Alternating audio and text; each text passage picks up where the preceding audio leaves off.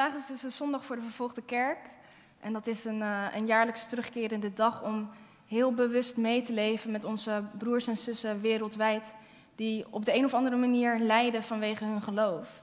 En um, ja, het vindt iedere, ieder jaar vindt het de zondag na Pinksteren plaats. En dat heeft een hele speciale reden. Uh, na de uitstorting van de Heilige Geest veranderde alles.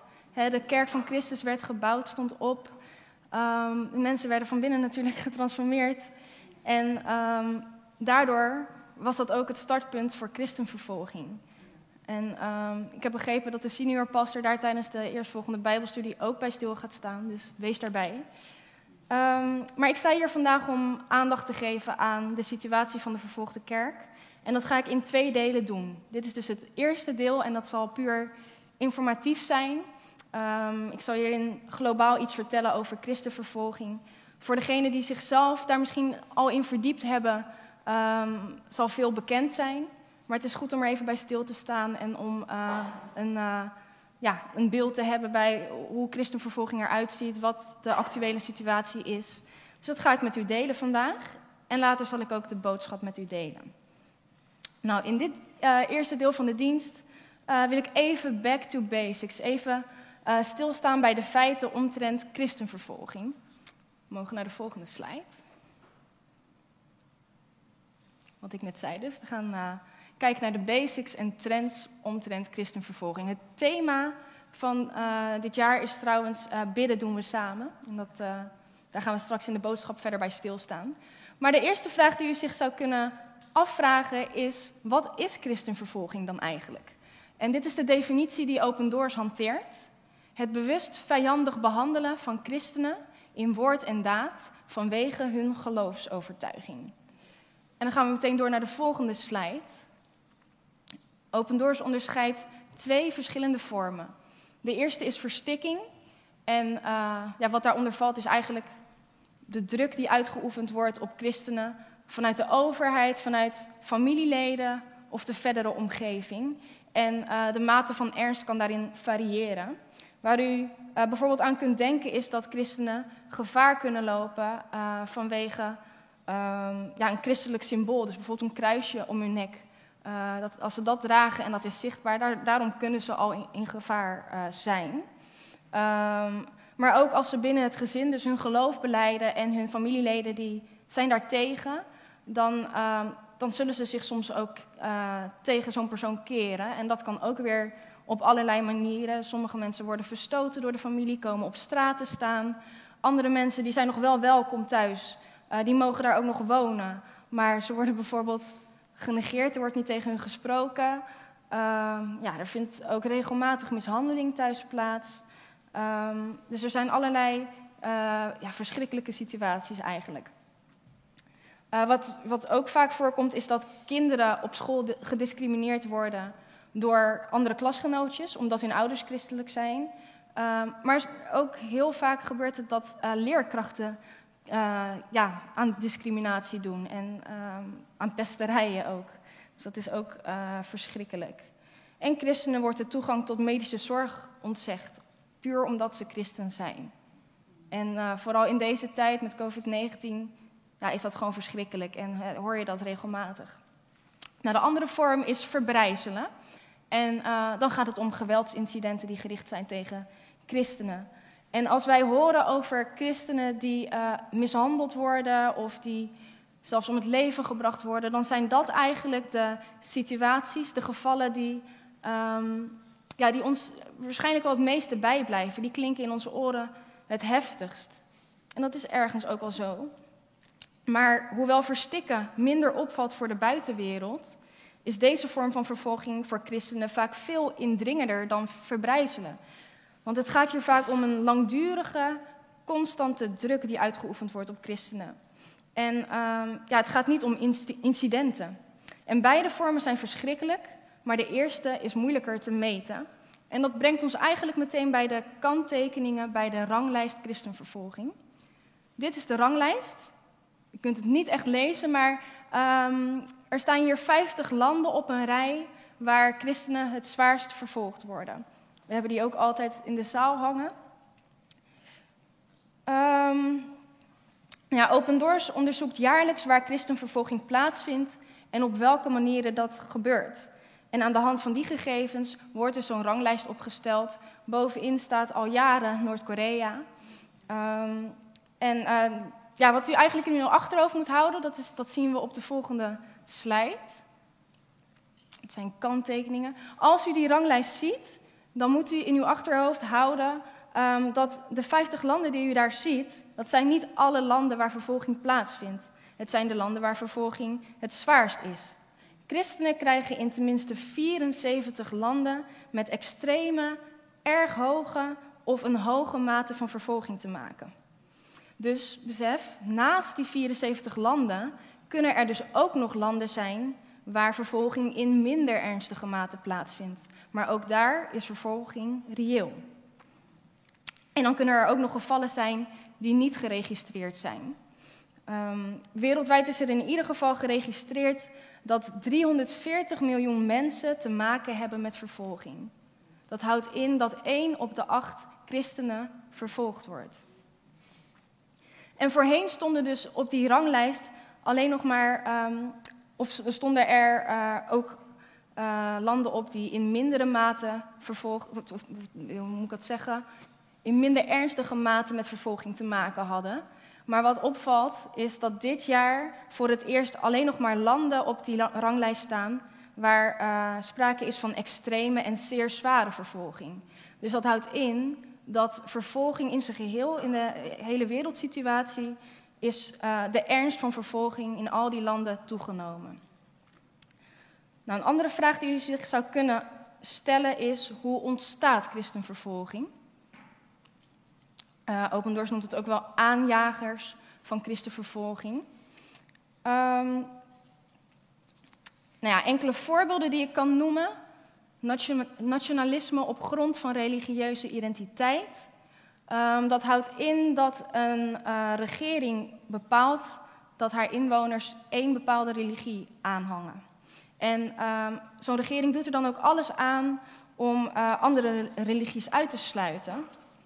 En India is daar een voorbeeld van. Daar is ook een meerjarig gebedsplan voor geweest. Uh, omdat die situatie daar de afgelopen paar jaar echt een stuk ernstiger is geworden. Um, wat je dan ook voor situaties krijgt, is dat de regering het prima vindt, um, of tenminste niet ingrijpt, de politie grijpt ook niet in, als christenen worden aangevallen door extremistische groeperingen bijvoorbeeld. Die krijgen de vrije hand om christenen aan te vallen. Um, christenen worden sociaal geïsoleerd, dus mensen die uh, lopen met een boog om hun heen, uh, willen niets met hun te maken hebben. Uh, zelfs op het werk kunnen ze het lastig krijgen, moeite krijgen om aan een baan te komen. En um, het heeft geen zin om naar de politie te gaan, want die doet daar niets aan. Dat is de situatie als een regering ja, dit soort beleid voert, zeg maar. Nou, andere aanjagers zijn aanvallen door terroristische groeperingen of uh, criminele bendes. En uh, een voorbeeld hiervan is uh, Mexico. Er zijn daar christenen die evangeliseren onder criminelen. En daar zijn drugsbendes bijvoorbeeld dus niet blij mee, want ja, ze verliezen potentiële leden of bestaande leden. En daarom vallen ze christenen aan om hun werk te stoppen. Um, maar ook de pandemie, COVID-19, blijkt een aanjager van onderdrukking. In India verspreidde Open Doors voedsel onder meer dan 100.000 christenen. 80% van hen gaf aan dat ze of helemaal geen voedsel kregen van de lokale autoriteiten, of dat ze veel minder kregen vanwege hun christelijk geloof.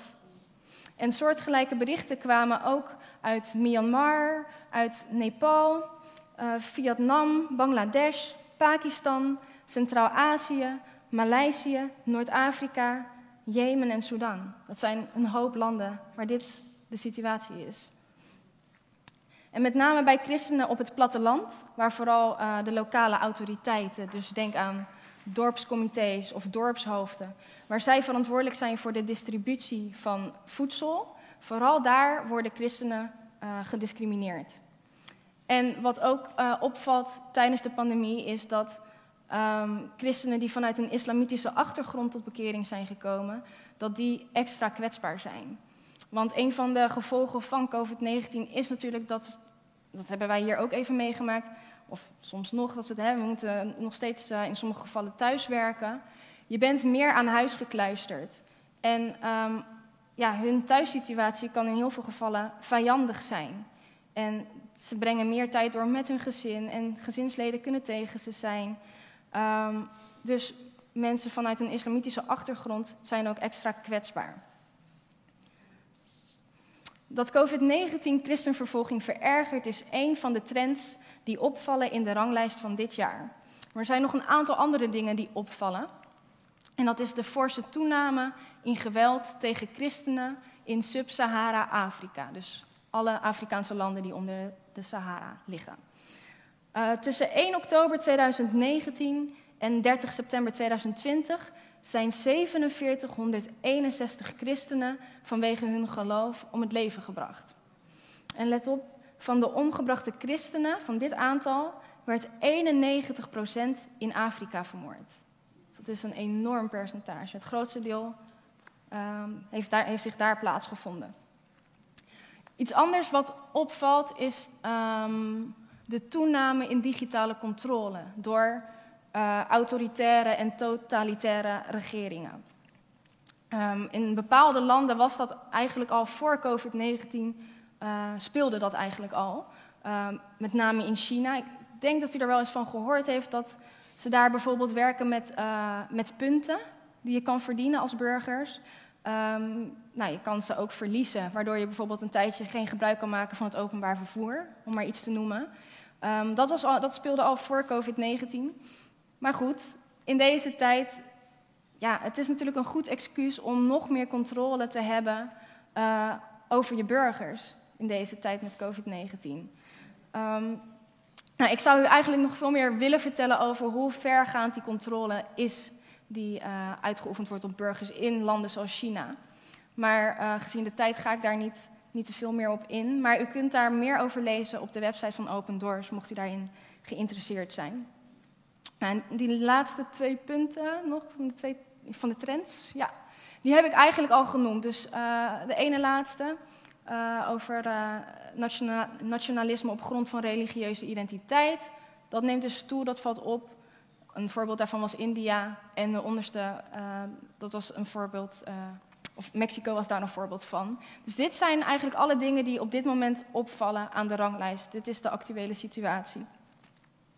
Nou, ik zou u nog zoveel meer willen vertellen, maar mogen in ieder geval duidelijk zijn hoe ernstig de situatie is. En het zou kunnen dat, dat u er misschien bedroefd van wordt of ontmoedigd, maar doe dat vooral niet. Want uh, er is meer, ik zal u straks ook nog meer vertellen en u zult bemoedigd worden. We gaan ontdekken wat we van vervolgde christenen kunnen leren, uh, wat onze rol is in deze hele situatie. En dat er tegelijkertijd wereldwijd ook geweldige dingen gebeuren en dat er hoop is. En uh, dat wil ik heel graag met u delen. Geweldig. En ook als ik, um, ik zong net die liederen die we net samen hebben gezongen, die zong ik eigenlijk ook um, met in het achterhoofd hoe vervolgde christenen het ervaren. En um, ja, die vrijheid waar we over hebben gezongen, die, vrijheid die Jezus brengt, dat heeft helemaal niets te maken met fysieke vrijheid. Het heeft niets te maken met uh, of we wel of niet beperkt worden door, door regels of door wat dan ook. Die vrijheid, ja, die staat daarboven. Hij tilt ons boven die omstandigheden op. En um, daardoor hoeven we niet te kijken naar omstandigheden, daardoor hoeven we ons niet beperkt te voelen, want hij heeft ons vrijgekocht. En dat is een geestelijke vrijheid en die is veel sterker en betekent veel meer dan fysieke vrijheid. En ik vind het uh, geweldig om uh, door vervolgde christenen heen ook te zien dat zij dat zo ervaren. Um, daarover gesproken, dat wilde ik nog zeggen, want ik had natuurlijk ook het voorbeeld um, uit India genoemd, hoe mensen daar te maken hebben met een sociaal isolement. En um, gisteren toevallig las ik ook dat vervolgde christenen daar zelf zeggen van, tuurlijk is dat, uh, is dat pijnlijk om je zo eenzaam te voelen, maar en er is altijd een maar.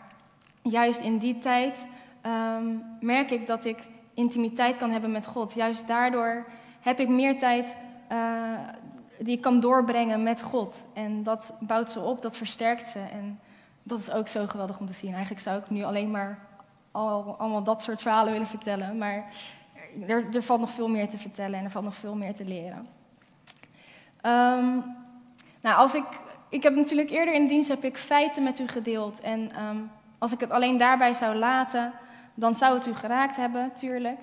Ehm, maar ja, dat brengt christenvervolging nog niet dichterbij. Het voelt misschien nog steeds dan als een ver van ons bedshow. Nu hebben we dit filmpje gezien van onze broer uh, Nihat. En uh, dan hebben we er ineens een gezicht bij. Dus als het goed is, verandert dat al iets. En uh, we hebben natuurlijk vaker ook wel dit soort beelden gezien. En um, ja, we worden er altijd door geraakt. Het maakt altijd indruk op ons. Maar als we heel eerlijk zijn, uiteindelijk zakt dat ook wel weer een beetje weg, toch? Ja. Nou, vandaag wil ik dat dat verandert. En niet zozeer ik wil dat, maar ik weet dat God dat wil.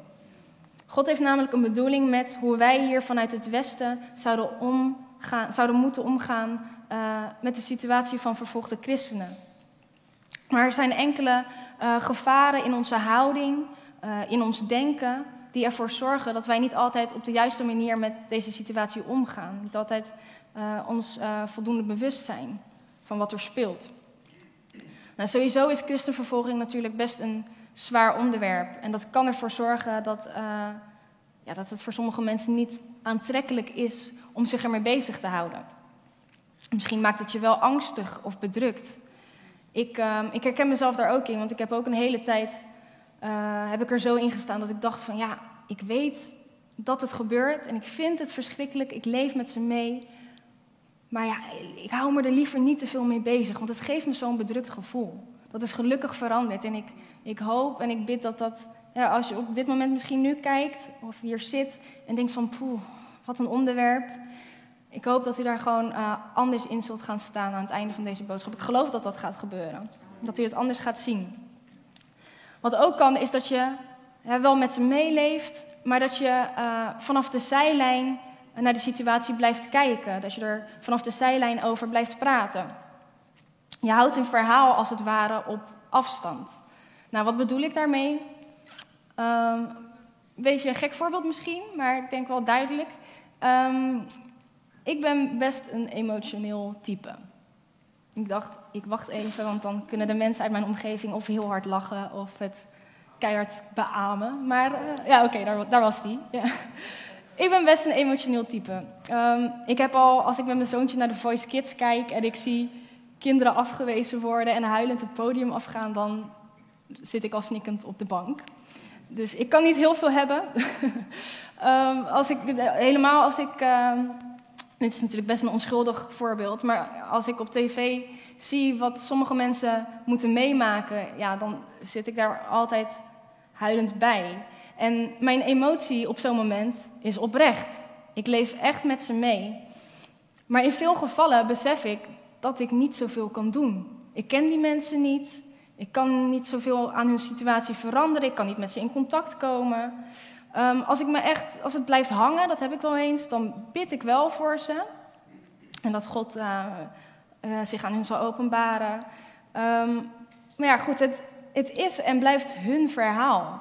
En ik zet weer verder. Dus uiteindelijk ja, verdwijnen ze ook weer een beetje uit mijn gedachten. En zo kunnen wij ook omgaan met vervolgde christenen. We kunnen er zelfs nog even over doorpraten als het indruk op ons heeft gemaakt. Dat we tegen de ander straks na de dienst zeggen van, oh, verschrikkelijk hè, wat zij moeten meemaken in dat land. Allemaal oprecht. Maar als het hun verhaal blijft, het verhaal van vervolgde christenen, dan kan het niet anders dat het belang daarvan in ons eigen leven wegzakt. En dat is dus precies wat er moet veranderen. Hun verhaal zou ook ons verhaal moeten zijn. We kennen deze vervolgde christenen misschien niet persoonlijk, maar in het geestelijke is het geen ver van ons bedshow. Wat hun raakt, raakt ons ook. Dus we zijn één. Nou, we hebben onlangs een uh, online kerkleidersbijeenkomst gehad uh, van Open Doors, waarin een uh, vervolgde christen uit Egypte ons toesprak. En daarmee sprak hij eigenlijk niet alleen tot degenen die um, in die meeting aanwezig waren, maar hij sprak tot alle westerse christenen. Ik ga hem daarom ook regelmatig in deze boodschap citeren, omdat zijn boodschap zo belangrijk is voor ons westerse christenen. Ik mag het u niet onthouden. En ik denk dat het ook des te meer binnenkomt als het uh, de woorden zijn van een vervolgde christen zelf. Zijn drang om ons duidelijk te maken dat wij één moeten zijn, was zo duidelijk voelbaar.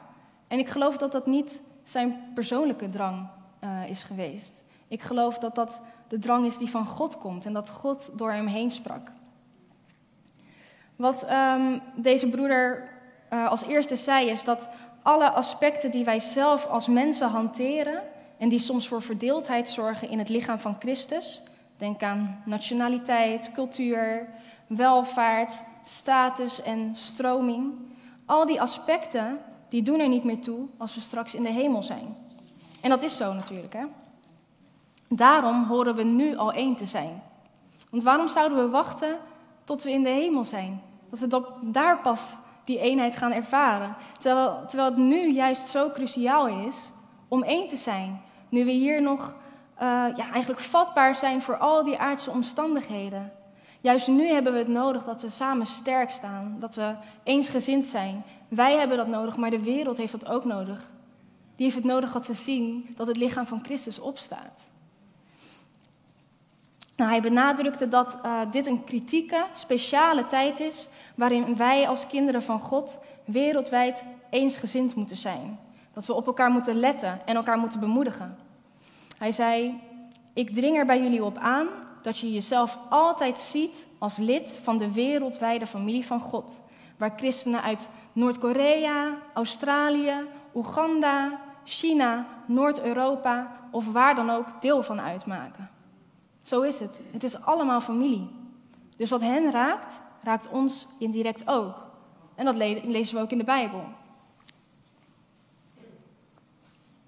In 1 Korinthe 12, vers 26 staat: Als één lid leidt, leiden alle leden mee.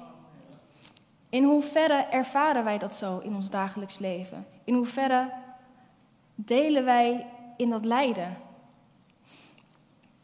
Als wij blijven denken dat wij er alleen vanaf de zijlijn naar kunnen kijken en erover kunnen praten, met medeleven weliswaar, maar toch, dan zal het ons ook nooit activeren om iets te doen. Dan zullen we denken dat we er toch niets aan kunnen veranderen. Want situaties die ver van ons bed lijken, die lijken ook ver buiten onze invloedssfeer te liggen. Nou, als kind van God gaat die vlieger sowieso niet op, want door gebed, door de kracht van gebed, is onze invloed niet beperkt. Dus daar mogen we ons ook aan vasthouden. Anne van der Bel, oprichter van Open Doors, uh, begon met zijn werk voor de vervolgde kerk door het lezen van de tekst uh, in Openbaring 3, vers 2. En daar staat: Wees waakzaam, wees wakker en versterk het overige dat dreigt te sterven. Nou, dat was niet alleen voor hem bedoeld, maar dat geldt natuurlijk ook voor ons.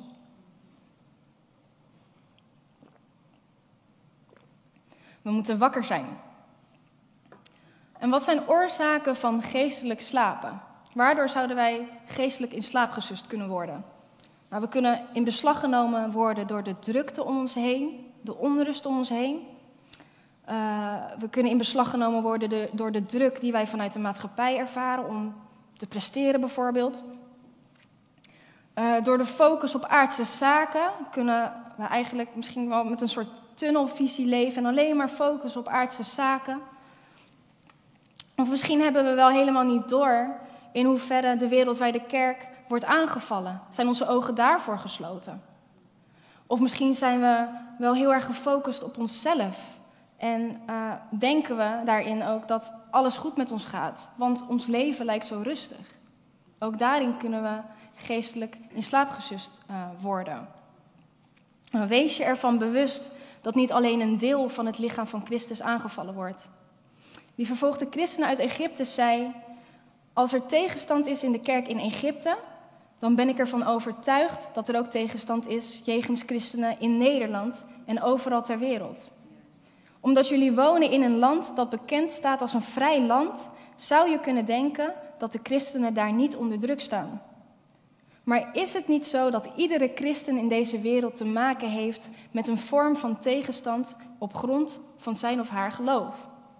Het zou wel zo moeten zijn, want dat lezen we in 2 Timotheus 3, vers 12. Daar staat: En ook allen die godvruchtig willen leven in Christus Jezus zullen vervolgd worden. Er staat niet um, alleen als je in dat ene deel van de wereld leeft, dan zou je vervolgd kunnen worden. Nee, er staat als je godvruchtig wil leven, dan zullen jullie vervolgd worden. Dus we zijn niet uitgesloten. Die vervolgde christen zei ook: Onze trouw aan God wordt elke dag op de proef gesteld en aangevallen. Zo is het gewoon, want wij hebben dezelfde vijand.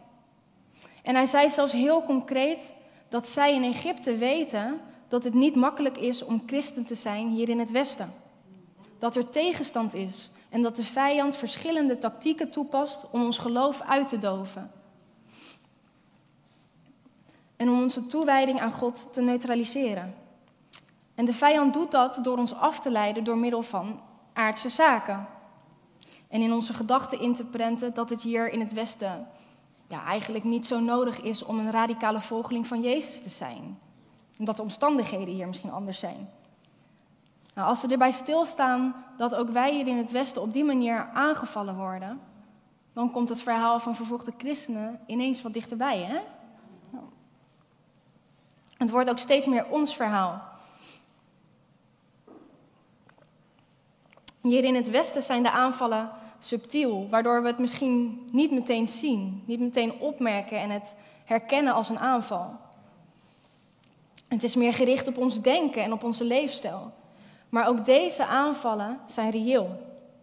We moeten niet verslappen en denken dat wij gevrijwaard zijn van aanvallen, dat het ons niet overkomt.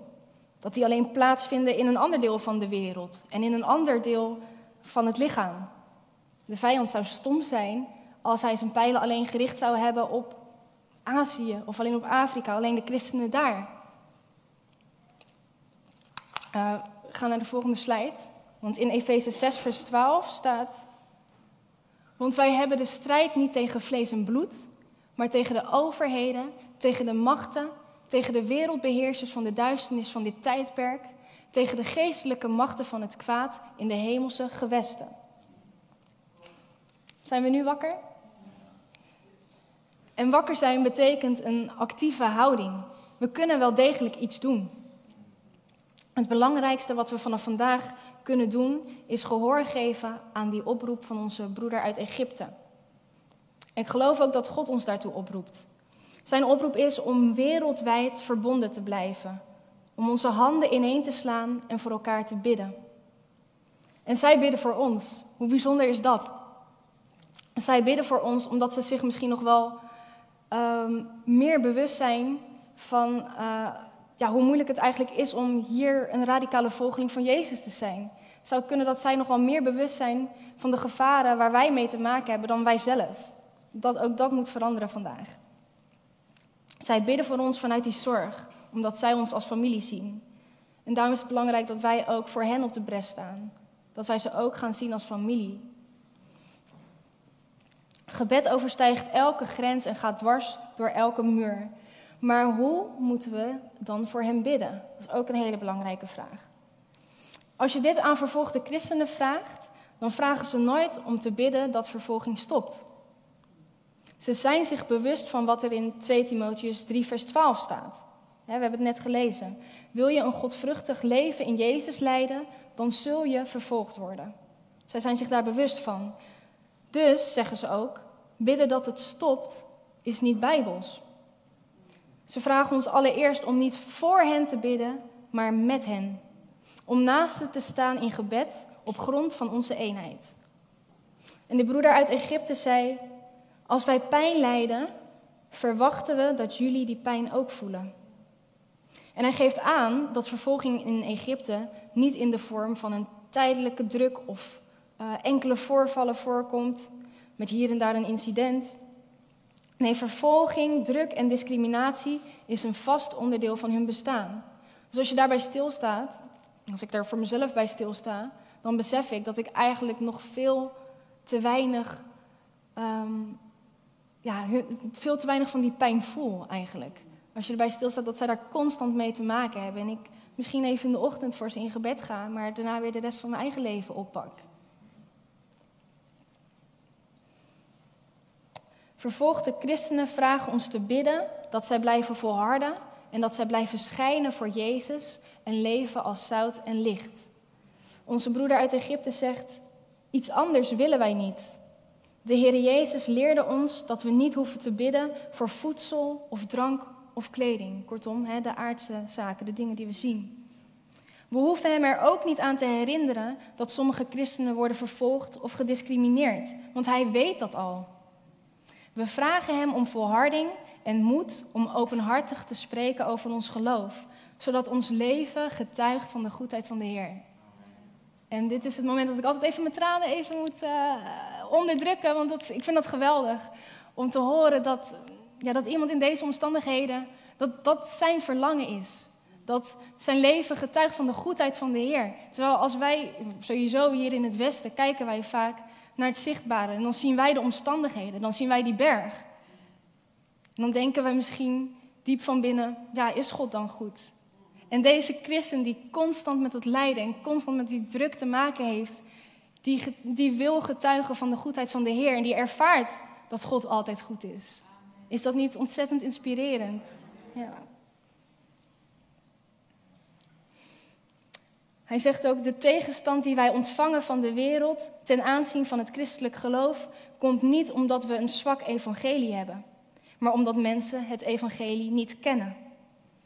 Ze hebben allerlei vervormde beelden en ideeën over de God die wij dienen en aanbidden. Het is onze taak om te leven met waarachtig geloof, zodat de mensen om ons heen tot geloof in Jezus Christus zullen komen. Nou, vele vervolgde christenen geven gehoor aan de opdracht van Jezus om de wereld in te gaan en om te getuigen van zijn goedheid, om het evangelie te verkondigen. En dit doen zij soms met gevaar voor eigen leven. Het brengt mij tot het besef dat het lichaam van Christus op dit moment misschien ja, eigenlijk nog niet helemaal in balans is. Ik begon deze boodschap met gevaren in ons denken als het gaat om vervolgde christenen. En een ander gevaar is dat we vervolgde christenen gaan zien als een soort superhelden. We worden ontzettend door ze geïnspireerd, maar uiteindelijk zijn het mensen zoals jij en ik, zoals u en ik. We moeten niet denken dat hoe zij leven, dat wij dat nooit zouden kunnen. Of dat dat toch niet voor ons is, omdat onze omstandigheden heel anders zijn. Zij houden geestelijk stand door de gebeden en door hun focus op God, door hun focus op de hemelse zaken.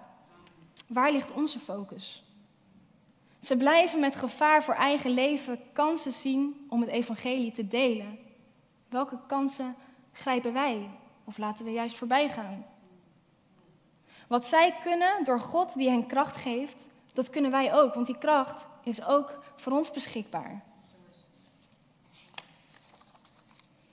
Ik wil richting het einde van deze boodschap de hoop delen waar vervolgde christenen zich aan vasthouden.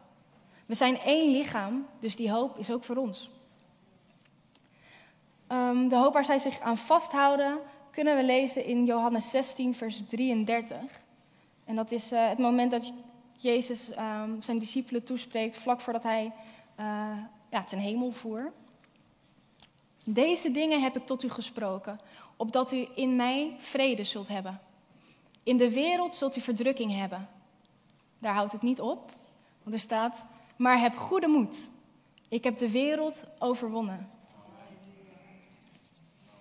En hij zei niet, ik, hij zei niet dat die overwinning er uiteindelijk aankomt. hij zei: Ik heb de wereld al overwonnen.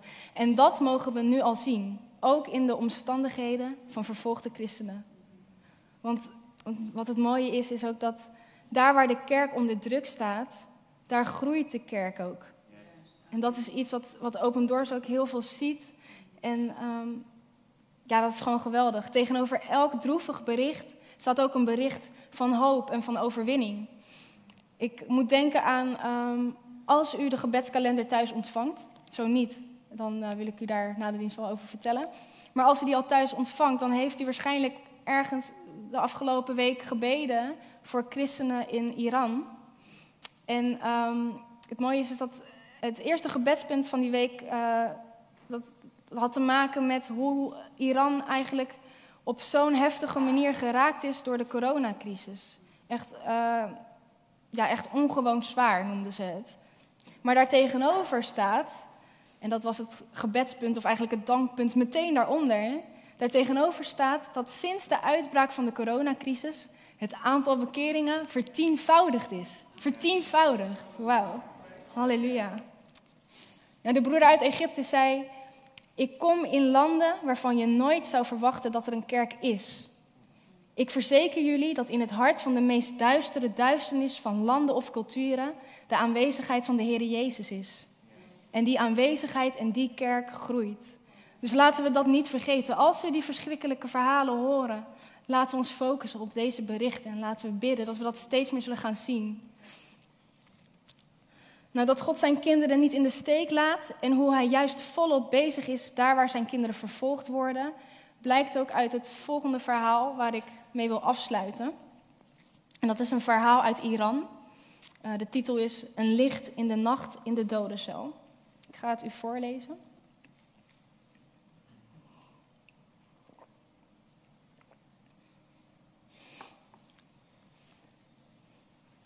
Toen Farin op een morgen wakker werd, stonden er verschillende celgenoten om hem heen en staarden hem aan. Hij ging rechtop zitten en zei: Luister, ik wil jullie niet irriteren. Laat me met rust. Hou je met je eigen zaken bezig. Dat doe ik ook. Ze zeiden: Oké, we laten je met rust. Als jij ons vertelt wie je bent en wat er s'nachts met je gebeurt. De Iraanse voorganger Victor Bet Tamras belandde door zijn christelijke activiteiten in de gevangenis. Voor zijn vlucht uit Iran in het jaar 2020 kreeg hij tien jaar gevangenisstraf. Maar zijn familie is ervan overtuigd dat Jezus ook in Iraanse gevangenissen werkt. Dabrina vertelt over Farin, die in een cel met 50 mannen werd gezet. Daar wachten ze hun lot af. Omdat het een dode cel was, wist iedereen welk macaber lot hun te wachten stond. Hij gedroeg zich zo onopvallend mogelijk om geen problemen te krijgen. Dabrina vertelt hoe Farins medegevangenen op een morgen een eigenaardig fenomeen willen bespreken met hem. Iedere nacht als je slaapt, komt dat licht en dat blijft bij je. Elke nacht zien we het. Wat is dat en waar komt dat vandaan? Verward vraagt hij na wat ze precies gezien hebben. De mannen vertellen: Het is alsof er hier een gloeilamp hangt. Het blijft de hele nacht. Elke nacht zien we het. Daarop antwoordt Farin: Ik ben christen. Ik geloof dat dit licht van Jezus is. Dan vertelt hij over zijn geloof, waarop twee van de mannen besluiten om hun leven aan Jezus te geven. Amen. Hij drukt hun op het hart om niemand over hun nieuwe geloof te vertellen. Een paar weken later is er een controle in de cel. Een bewaker kijkt een van de gevangenen aan, die net christen is geworden, en vraagt hem: Heb je drugs genomen? Hij zegt: Nee, ik heb niks gebruikt. Je liegt, je hebt drugs genomen. De bewaker doorzoekt zijn bed en snijdt het matras open om te zien of er soms drugs in verborgen zit. Ze zetten hem onder druk, maar hij blijft erbij. Nee, ik heb niks ingenomen. De bewakers zeiden: Je ziet er anders uit. Je ogen zijn anders. Niet meer zo donker als eerst. Je komt opeens zo levendig over. Je hebt drugs genomen en wij zoeken net zo lang totdat we ze vinden. Dan zegt hij: Nee, ik heb geen drugs genomen. Ik geloof alleen in Jezus. Hij heeft mijn leven veranderd. Gaan we weer. Momentje. Geweldig wat dit gebeurt, omdat. Ik ga zo verder met voorlezen, maar. Het is in de dodencel. Ze weten wat hun te wachten staat. En ondertussen, het is, het is vlak voor, voordat hij misschien wel naar de hemel zal gaan, maar zelfs dat, dat laatste. Poeh. Zelfs in die laatste momenten wil God nog werken. I'm okay. Ik wist dat dit ging gebeuren. Ik kan niet eens meer lezen. Ja, die christen zei, hij heeft mijn leven veranderd. Op dat moment dacht Farin, Nu zullen ze ons vast om het leven brengen. Direct draaiden de bewakers zich om en richtten zich tot hem. Zit jij hierachter? En hij bekent: Ja, het spijt me. De bewakers reageren: Het is oké. Kun je dat ook met alle andere gevangenen doen? Zoals hij erbij loopt, zien we dat graag voor alle gevangenen. Wauw. Farim vertelt verder over de Heere God. De bewakers zeggen hem dat hij alleen de naam van Jezus niet mag gebruiken. Verder kan hij alles zeggen wat hij wil. Zo begon hij in de gevangenis over de Heere God. Hij begon over zijn geloof en over vergeving te vertellen. En al deze mensen die zouden verloren gaan als deze broeder niet in de gevangenis terecht was gekomen. Kijk hoe wonderlijk God werkt. Geweldig hè? En we geloven en bidden ook dat God iets kan doen, dat Hij iets gaat doen uh, in, aan hun gevangenschap. Want ook dat, daar zijn tal van verhalen van dat, um, dat God gewoon een wonder doet in dat gevangenschap. En dat mensen boven bidden en denken toch vrijkomen. Maar we weten inmiddels dat dat dus niet het belangrijkste is voor vervolgde christenen. Dat is niet per se hun gebedsverzoek. En hoe God werkt in die landen, onder die christenen op zo'n wonderlijke manier, dat wil Hij ook bij ons doen. Hij is dezelfde God en wij maken deel uit van hetzelfde lichaam. En zoals ik eerder al zei, is het lichaam van Christus op dit moment misschien niet helemaal in balans als we kijken naar hoe vervolgde christenen tot het uiterste gaan. Hoe kunnen wij zorgen voor die balans? Hoe kunnen wij zorgen dat het lichaam van Christus één is? Nou, door onze ogen niet te sluiten voor wat er gebeurt in de wereld, maar wakker te zijn. Door eenparig en strijdend te bidden met onze broers en zussen wereldwijd en ons verbonden te voelen met hen. Door ons te focussen op hemelse zaken en de kansen te grijpen die God ons geeft. Door, door de tijd uit te buiten en te bouwen aan Zijn koninkrijk. Zo kunnen wij opstaan, werkelijk zoals het bedoeld is, als lichaam van Christus. En uh, ja, ik, ik, geloof gewoon dat, het, um, ja, dat alles wat u gehoord heeft, dat het uw leven zal veranderen. En dat wij ook die transformatie mogen gaan zien in het lichaam van Christus. En...